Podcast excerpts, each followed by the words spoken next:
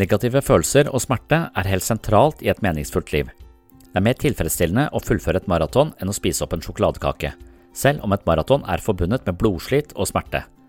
Når målet er nytelse og positive tanker, går vi glipp av dybden som gjør livet edelt og verdifullt. Mange har hørt at de kan bli hva de vil her i verden, men det er ikke sant. Alle kan ikke være ekstraordinære, og de fleste av oss er middelmodige. Det finnes vinnere og tapere, og det er ikke nødvendigvis din feil dersom du ender opp som en taper.